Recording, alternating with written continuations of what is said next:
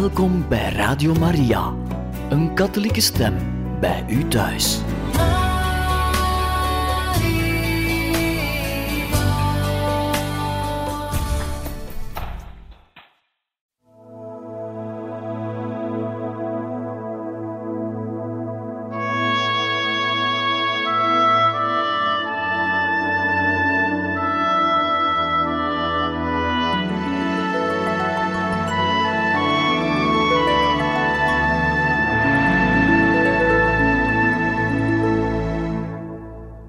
Beste luisteraars van Radio Maria, wij lezen vandaag verder uit het leven van de heilige zuster Faustina.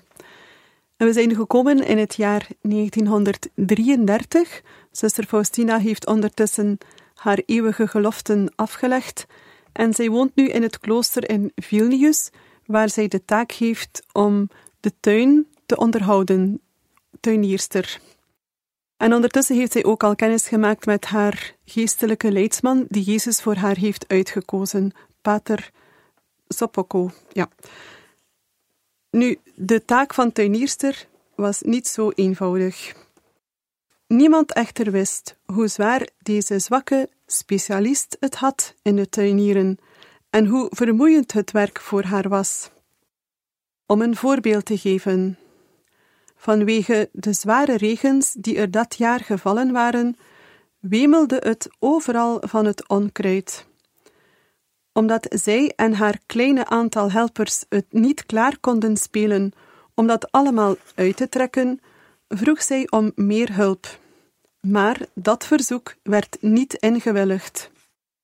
Toen sommige bedden zo door het onkruid overwoekerd waren dat ze omgehakt moesten worden, werd Faustina ervan beschuldigd dat zij nalatig was. Een zuster verdedigde haar echter tegen die onrechtvaardige aanklacht. Zowel de zusters als de meisjes verbaasden zich over haar kalmte en haar goede humeur, dat ze, ondanks zulke moeilijke omstandigheden, wist te bewaren. Later zei een zuster: Ze deed alles als voor Gods ogen en in het gezelschap van de Heer Jezus. En een pupil had dit te zeggen. Zuster Faustina stelde alle andere zusters in de schaduw door haar vrede en nederigheid, en ook door de aard die zij van nature had.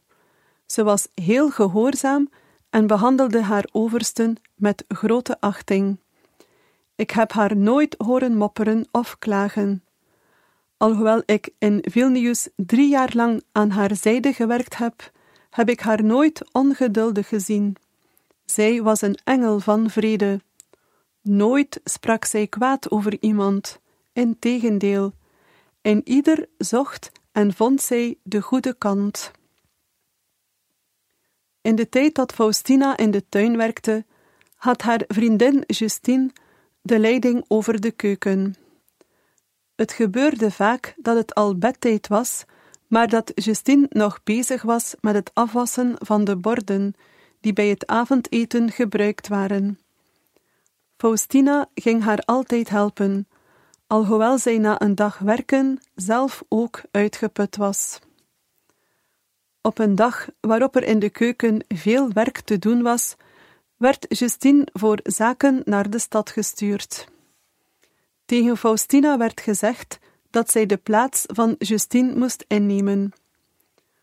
Toen Justine uit de stad terugkwam, zag zij tot haar verbazing dat het werk al klaar was en dat Faustina zat uit te rusten op een bank die in de buurt van de keuken stond. Ze vroeg: Faustina, hoe bestaat het dat je, als je zoveel werk hebt, toch zo snel klaar bent? Wie heeft jou geholpen? Met haar gewoonlijke kalmte en met een glimlach antwoordde Faustina: De engelen hebben mij geholpen, want ik zou het nooit alleen hebben kunnen doen.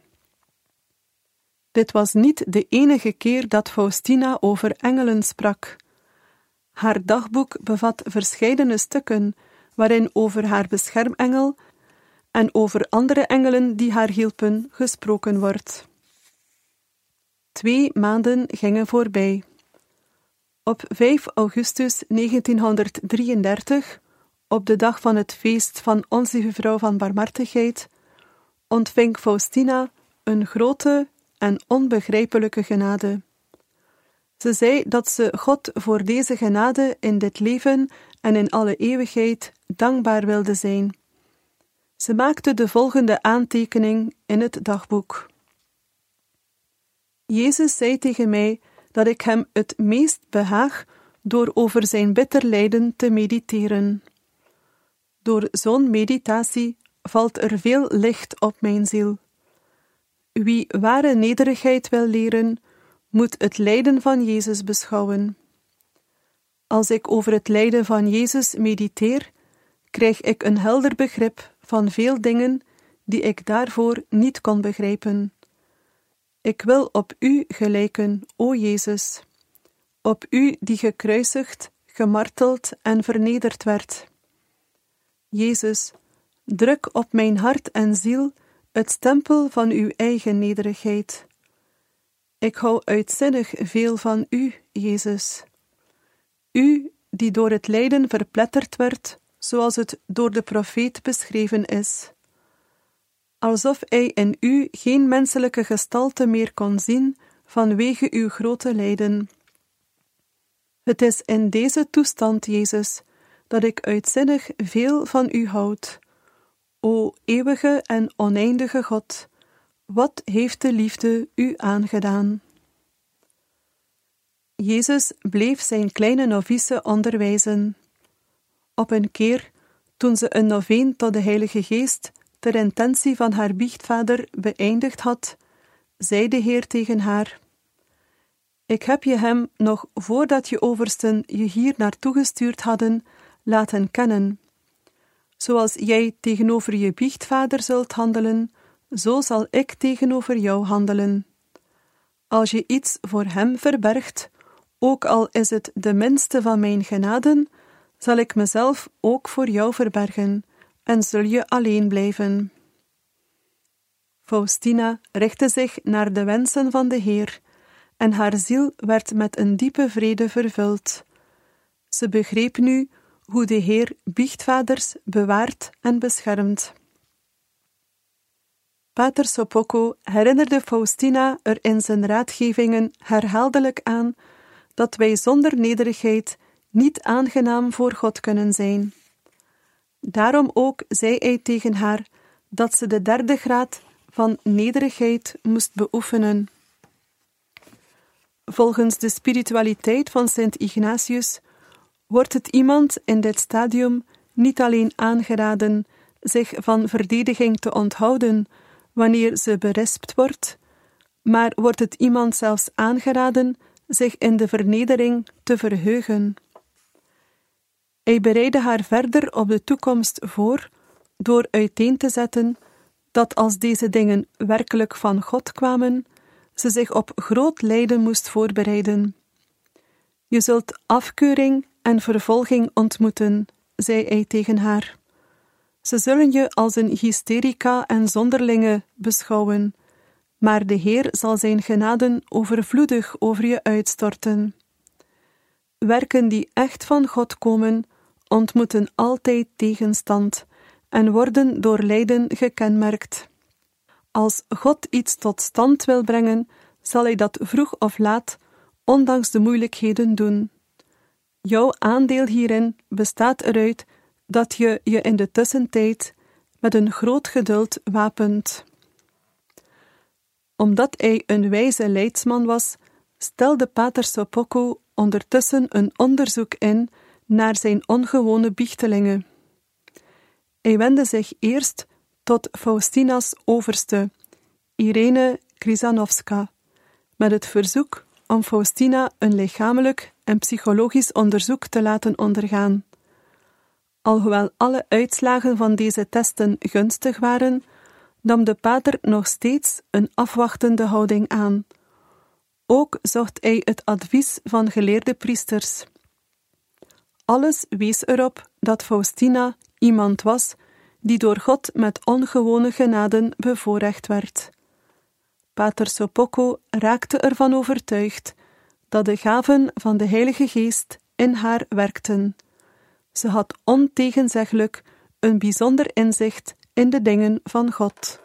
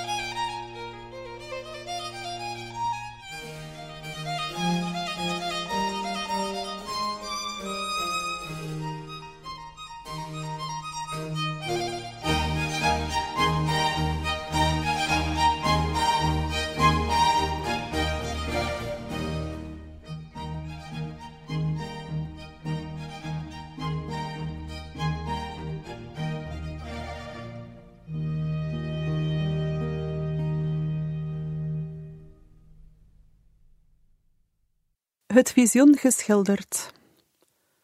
Tijdens haar langdurige en veelvuldige biechten vertelde Faustina alles over haar visioenen en over de boodschappen die ze kreeg. Ze verwees daarbij meer en meer naar de gesprekken met Jezus die betrekking hadden op de barmhartigheid van God. Ze zei tegen Pater Sopoko dat Jezus verlangde dat er een afbeelding geschilderd zou worden die een genademiddel zou zijn voor de wereld, die voortdurend in pijn en lijden verkeerde. Ze zei ook dat Jezus erom vroeg dat er in de kerk een feest van de barmhartigheid ingesteld zou worden. Het moest op de eerste zondag na Pasen gevierd worden. Ze had in feite duidelijke aanwijzingen gekregen hoe de afbeelding geschilderd moest worden. Pater Sopoko was nog niet helemaal overtuigd, maar hij was er wel benieuwd naar hoe die afbeelding eruit zou zien. Daarom gaf hij Eugène Kazimierowski, een kunstschilder die in de omgeving woonde, opdracht om de afbeelding te schilderen. Op 2 januari werd er een begin meegemaakt. De overste stond Faustina toe om vanaf die datum eens in de twee weken met de kunstschilder samen te werken, om hem zodoende aanwijzingen te kunnen geven voor de afbeelding. Pater Sopocco was de enige andere aanwezige die Faustina's instructies hoorde. Op verzoek van haar geestelijke leidsman vroeg Faustina de Heer naar de betekenis van de stralen op de afbeelding. Ze hoorde deze woorden als antwoord. De twee stralen duiden bloed en water aan. De doorzichtige straal duidt het water aan dat de zielen rechtvaardig maakt. De rode straal duidt het bloed aan dat het leven van de zielen is. Deze twee stralen kwamen uit de diepten van mijn tedere barmhartigheid, toen mijn hart, dat folterende pijn had geleden aan het kruis, door een speer werd geopend. Deze stralen beschermen de zielen voor de toren van mijn vader. Gelukkig is degene die onder hun bescherming zal wonen, want de rechtvaardige hand van God zal geen macht over hem hebben. Ik wil dat de eerste zondag na Pasen het feest van de barmhartigheid wordt. Vraag aan mijn trouwe dienstknecht, Pater Sopocco, om op deze dag de hele wereld over mijn grote barmhartigheid te vertellen. Dat wie zich ook maar op die dag tot de fontein van het leven wendt, volledige vergeving van zonden en straf zal ontvangen. De mensheid zal geen vrede hebben, totdat ze zich met vertrouwen tot mijn barmhartigheid wendt. O, hoezeer word ik door het wantrouwen van een ziel gewond. Zo'n ziel beleidt dat ik heilig en rechtvaardig ben, maar gelooft niet dat ik barmhartig ben en vertrouwt niet op mijn goedheid. Mijn hart verheugt zich over deze titel, barmhartigheid. Verkondig dat de voornaamste eigenschap van God barmhartigheid is. Alle werken van mijn handen worden door barmhartigheid gekroond. Gave van kennis. Terwijl Faustina haar jaarlijkse retraite hield, bleef ze geestelijke inzichten ontvangen. De belangrijkste volgen hieronder. Ware liefde tot God bestaat uit het volbrengen van Gods wil. Om God onze liefde te laten zien in wat wij doen, moeten al onze daden, tot zelfs de kleinste toe, aan onze liefde tot God ontspringen. Mijn kind, je behaagt mij het meest door te lijden. Zoek zowel in je lichamelijke als in je geestelijk lijden, mijn dochter, geen medegevoel van schepselen. Ik wil dat de geur van je lijden zuiver en onvervalst is. Ik wil dat je je niet alleen van de schepselen, maar ook van jezelf losmaakt. Mijn dochter, ik wil mij verheugen in de liefde van je hart, een zuivere liefde, maagdelijk, onbevlekt, onbezoedeld. Hoe meer je het lijden zult gaan liefhebben, mijn dochter, hoe zuiverder je liefde voor mij zal zijn. Benader ieder van de zusters met dezelfde liefde als waarmee je mij benadert. Wat je ook maar voor hen doet, doe je voor mij. Nadat Faustina zekere tijd in aanbidding had doorgebracht en die aanbidding voor Polen geofferd had, doorsneed haar een inwendige pijn. Later schreef ze het spontane gebed op dat toen uit haar hart opwelde. Allerbarmhartigste Jezus, ik smeek u door de voorspraak van uw heiligen, en in het bijzonder door de bemiddeling van uw zeer geliefde moeder, die u vanaf de kindertijd verzorgde, zegen mijn geboorteland. Ik smeek u, Jezus, kijk niet naar onze zonden, maar naar de tranen van de kleine kinderen, naar de honger en de kou die ze lijden.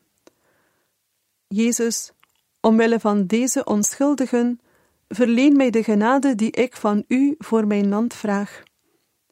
Op dat ogenblik zag ik de Heer Jezus. Zijn ogen stonden vol tranen en hij zei tegen mij: Je ziet, mijn dochter, hoeveel deernis ik met hen voel. Weet dat zij het zijn die de wereld schragen. God bleef Faustina's ziel met grote verlangens vervullen. Ze zou een priester willen zijn, om zondaars die in wanhoop om zouden komen aan de barmhartigheid van God te kunnen herinneren. Ze zou een missionaris willen zijn en het licht van het geloof naar primitieve volken brengen, zodat die mensen Hem zouden leren kennen. Ze zou zichzelf voor hen willen ontledigen en een martelaarsdood voor hen sterven, juist zoals Jezus voor hen en voor haar gestorven was. Ze schreef toen: O Jezus, ik weet maar al te goed dat ik een priester, een missionaris en een prediker kan zijn, en dat ik een martelaarsdood kan sterven door mijzelf geheel te ontledigen en mijzelf te verloochenen uit liefde voor U, Jezus, en voor onsterfelijke zielen. Grote liefde kan kleine dingen in grote dingen veranderen. Het is alleen de liefde die waarde aan onze daden verleent. Hoe zuiverder onze liefde wordt, des te minder voedsel zal er in ons zijn voor de vlammen van het lijden. Het lijden zal ophouden lijden voor ons te zijn. Het zal een genoegen worden. Door de genade van God heb ik zo'n gesteldheid van hart ontvangen dat ik nooit zo gelukkig ben dan wanneer ik voor Jezus, die ik met iedere harteklop lief heb, leid. Op een dag leed Faustina zo hevig dat ze haar werk in de steek liet en naar de kapel rende om Jezus om zijn kracht te vragen. Na een kort gebed keerde ze vol vreugde en enthousiasme naar haar werk terug. Een zuster maakte de opmerking: Je moet vandaag veel vertroostingen hebben, zuster. Je ziet er zo stralend uit. God geeft jou zeker geen lijden, maar alleen vertroostingen. Je hebt het helemaal verkeerd, zuster, was het antwoord van Faustina. Want juist wanneer ik veel lijd, is mijn vreugde groter. Wanneer ik minder lijd, is mijn vreugde ook minder. Het leek erop dat de zuster in de war gebracht was. Faustina probeerde dus uit te leggen wat ze bedoelde. Als we veel lijden, hebben we een grote kans gekregen om aan God te laten zien dat we Hem lief hebben. Wanneer we minder lijden, hebben we minder gelegenheid om God onze liefde te tonen. En als we helemaal niet lijden, dan is onze liefde niet groot en ook niet zuiver. Door de genade van God kunnen wij een punt bereiken waarop lijden een genoegen voor ons wordt. Want de liefde kan in zuivere zielen zulke dingen bewerkstelligen.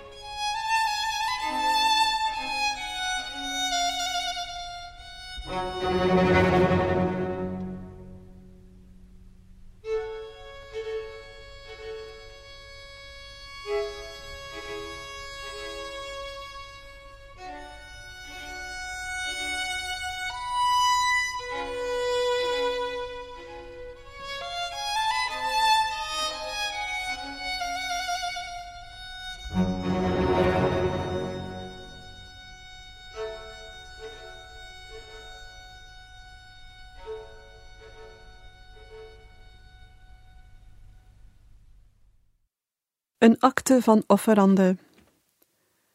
Nadat Jezus haar op deze manier, op dit bijzondere inzicht had voorbereid, maakte hij haar op Witte Donderdag tijdens haar gebed duidelijk dat hij wilde dat zij zich ten behoeve van de zondaars zou opofferen. Vooral voor diegenen onder hen die de hoop op Gods barmhartigheid hadden opgegeven. Faustina voldeed aan deze wens en offerde zich als volgt op.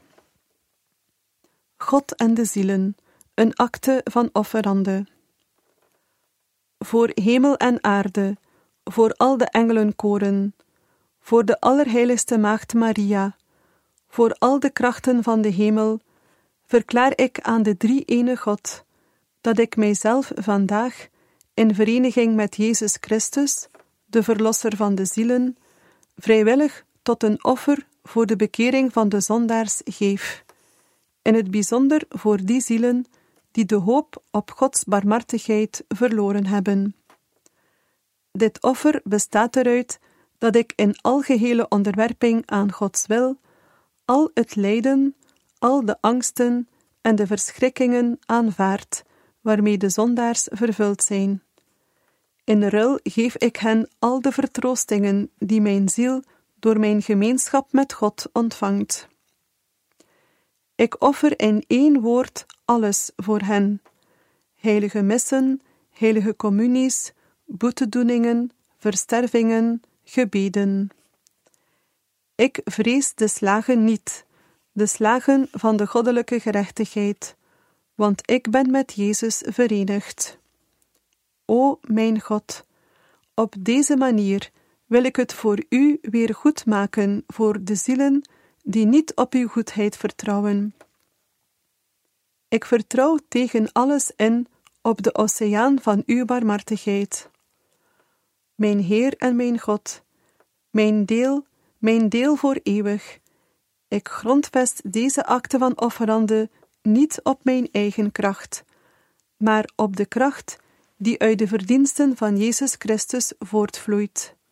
Ik zal deze akte van offerande dagelijks herhalen door het volgende gebed uit te spreken dat u mijzelf geleerd hebt, Jezus.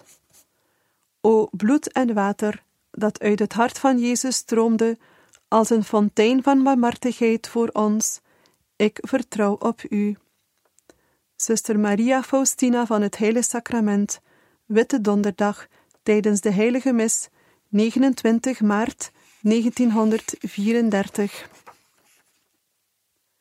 Jezus bekrachtigde deze akte met de woorden: Ik ben bezig je een aandeel in de verlossing van de mensheid te geven. Jij bent een troost in mijn stervensuur. Faustina maakte deze akte van offerande uiteraard met permissie van haar biechtvader. Alhoewel ze met vreugde vervuld was vanwege het voorrecht om zo dicht bij de Heer te mogen zijn, merkte ze al gauw dat haar roeping een keerzijde had. Zo snel als ze eerder innerlijk verkwikt was geworden, zo snel droogde haar inwendig leven nu uit en werd ze als een steen. Ze raakte met kwelling en onrust vervuld. Diverse godslasteringen en vloeken weerklonken in haar oren. Wantrouwen en wanhoop drongen haar hart binnen. Ze realiseerde zich dat dit de toestand was waarin de arme zondaars verkeren, en dat ze die nu als haar deel op zich had genomen. In het begin was ze erg bang voor deze vreselijke gevoelens, maar haar biechtvader stelde haar gerust. Jezus gebood Faustina om op de eerste zondag na Pasen het feest van de barmhartigheid te vieren. Faustina bracht die dag, het was zondag 8 april 1934, in ingekeerdheid door. Uitwendig verstierf ze zich door drie uur lang een boetegordel van metaaldraad te dragen. Ze bad in die tijd onophoudelijk voor de zondaars en om barmhartigheid voor de hele wereld. Jezus zei tegen haar: Mijn ogen rusten vandaag met welbehagen op dit huis.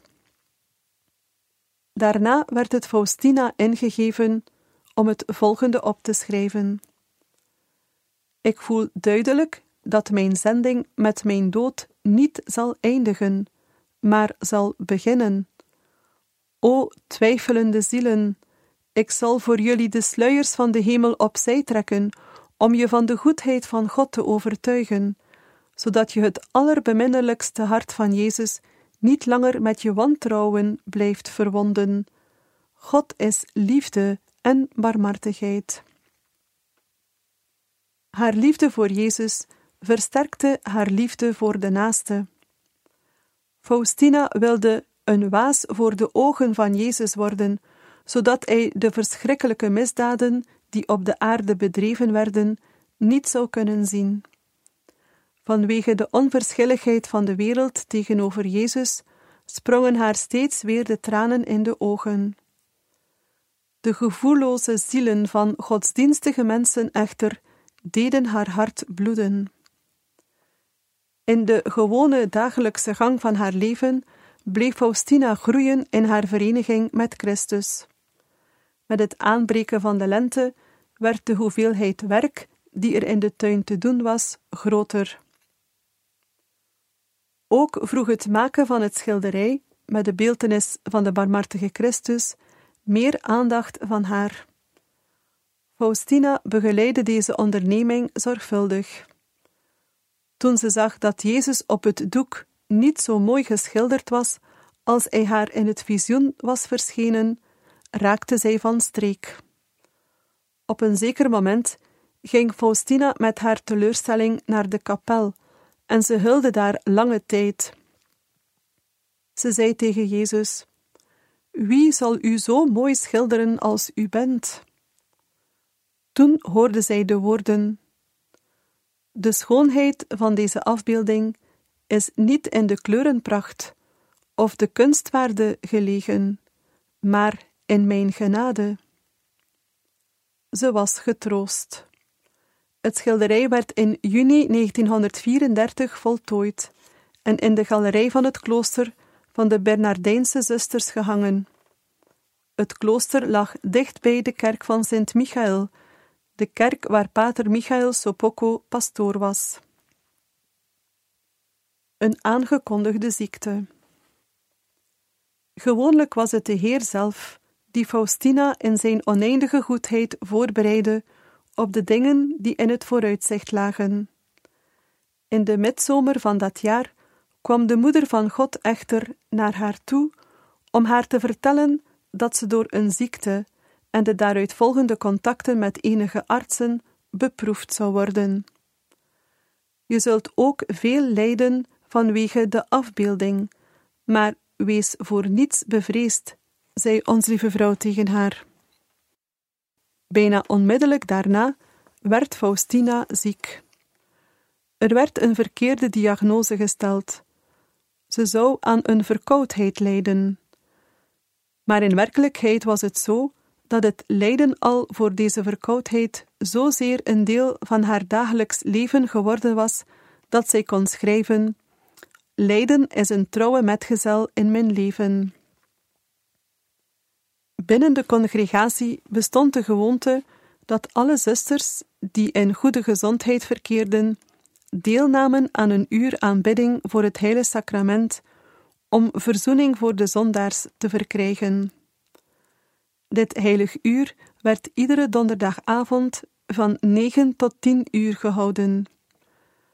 Op de avond die aan de eerste vrijdag van iedere maand voorafging, bleef men ook de hele daaropvolgende nacht bidden. De zusters baden dan om de beurt een uur. Onder de datum van 9 augustus 1934 schreef Faustina dat ze in staat was haar uur van aanbidding op zich te nemen. Ze was tussen elf en twaalf uur aan de beurt.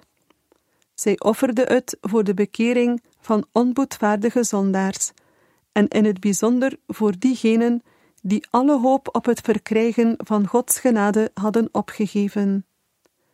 Ze riep de hele hemel op zich bij haar te voegen, om de Heer de ondankbaarheid van bepaalde mensen te vergoeden.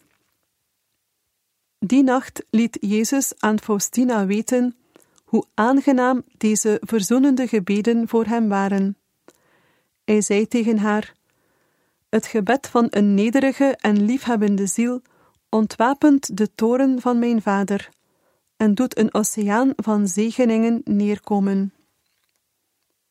Na de aanbidding ging Faustina op weg naar haar cel. Toen zij halverwege was, werd ze omringd door wat ze eerst dacht dat een meute grote zwarte honden was. Ze sprongen en jankten en probeerden haar te verscheuren. Ogenblikkelijk realiseerde ze zich dat dit geen honden waren, maar demonen. Een van hen gooide er woedend uit. Omdat jij ons deze nacht zoveel zielen ontrukt hebt, zullen we jou in stukken scheuren. Faustina antwoordde: Als dat de wil van de allerbarmhartigste God is, scheur me dan maar in stukken, want ik heb dat rechtvaardig verdiend. Want ik ben de allerellendigste van alle zondaren, en God is altijd heilig, rechtvaardig en oneindig barmhartig. Op deze woorden antwoordden de demonen als één man: Laten we vluchten, want ze is niet alleen, de Almachtige is met haar. En ze verdwenen zoals stof dat verwaait, als geluid dat wegsterft op de weg. Faustina wandelde ongestoord verder naar haar cel.